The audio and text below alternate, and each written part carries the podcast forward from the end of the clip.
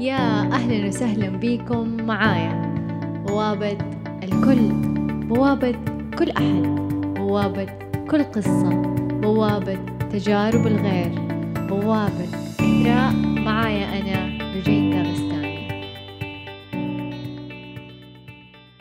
هذا البودكاست برعاية بسطها. تغيير هرمونات رضاعة طبيعية نوم متقطع طفل جديد ومسؤوليات إضافية. إعادة ضخ مختلف ومتزايد للحب والاهتمام والرعاية لطفلتي الأولى. روتين جديد مختلف عن روتين حياتي السابق المستمر لخمس سنوات بعد ولادتي لطفلي الثاني. الأمومة جهد جسدي مرهق بالرغم من كل جمالها. وأعلم تماما أن هذا الشكل من التعب مؤقت في خضم هذه التغييرات كانت تمر علي أيام أستيقظ فيها وأظل على السرير لساعات. أقضي حاجتي أتناول الإفطار على سريري وأعود مرة أخرى نحو السرير والوسادة. كل هذه المعطيات لم تكن تعود علي بالإيجاب. أشعر أني من الداخل لست أنا التي أعرفني وأعجبني. بدأت أراقبني فحسب. اهتمامي وتركيز طاقتي عال جدا لأطفالي.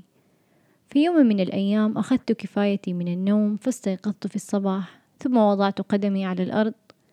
مر حينها شريط يومي في مخيلتي. فقمت بالرد على نفسي أوه يلا صباح الخير يوم جديد وروتين زي أمس. سألت نفسي حينها ما هي الخطوة الصغيرة التي ستصنع الفرق في روحك لجين وكم سيستغرق من الزمن قيامك بها.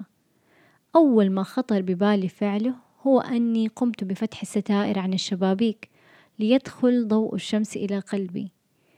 شعرت بفارق جيد شعرت بالطاقة ودب إحساس الحياة داخلي. أدركت أن الأمر كلفني دقيقة وبصفة عامة هي دقائق من يومنا الكامل. دقائق من يومنا الكامل من شأنها أن تضبط أذهاننا وعافيتنا وروحنا.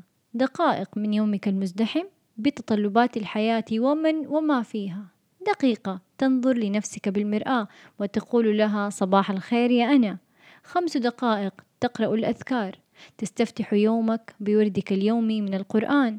سبع دقائق تسأل عن عالمك الداخلي وتطلق عليه الأسئلة الصحيحة القوية في أثرها.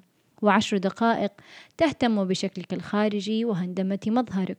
دقيقة تحدق فيها بعين جميلة تحب صاحبها.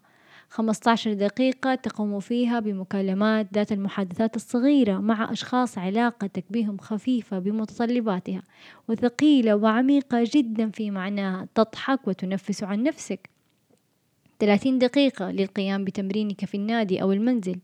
لا تنسى الدقائق لصناعة كوب مشروبك المفضل والدقائق القليلة في التأمل قبل النوم وإشراك العالم بنواياك الطيبة لهم. والدقائق لتخطط لعطلة نهاية الأسبوع والدقائق لحجز موعد مع مختص نفسي يساعدك أو موعد مع روح تجيد اللعب معك. دقائق للتفريغ عن مشاعرك بالكتابة أم بالبكاء أم بالفضفضة. هي مجرد دقائق. استعملها استثمرها. أحيانا نحن نغرق في المهام ومتطلبات الحياة والمسؤوليات بشكل فرط ومجنون وننسى ذواتنا وأنها تستحق الالتفات لها لا من باب الثانوية والدلع بل من باب الواجب والمسؤولية. اهتم جيدا بالدقائق من يومك التي تكشف ستار الحزن عن روحك والملل عنك. واصنع الخطوة البسيطة لضبط عافيتك النفسية. تقول المقولة استمر. استمر باستعمال الوقت للعناية والرعاية بنفسك حتى تصبح أنت من جديد. أوه صح أبشركم. أنا طيبة وبخير الحمد لله. طالما بأخصص وقت ودقائق للعناية والرعاية بنفسي وذهني وعافيتي. ودمت بكل الخير. يا خير.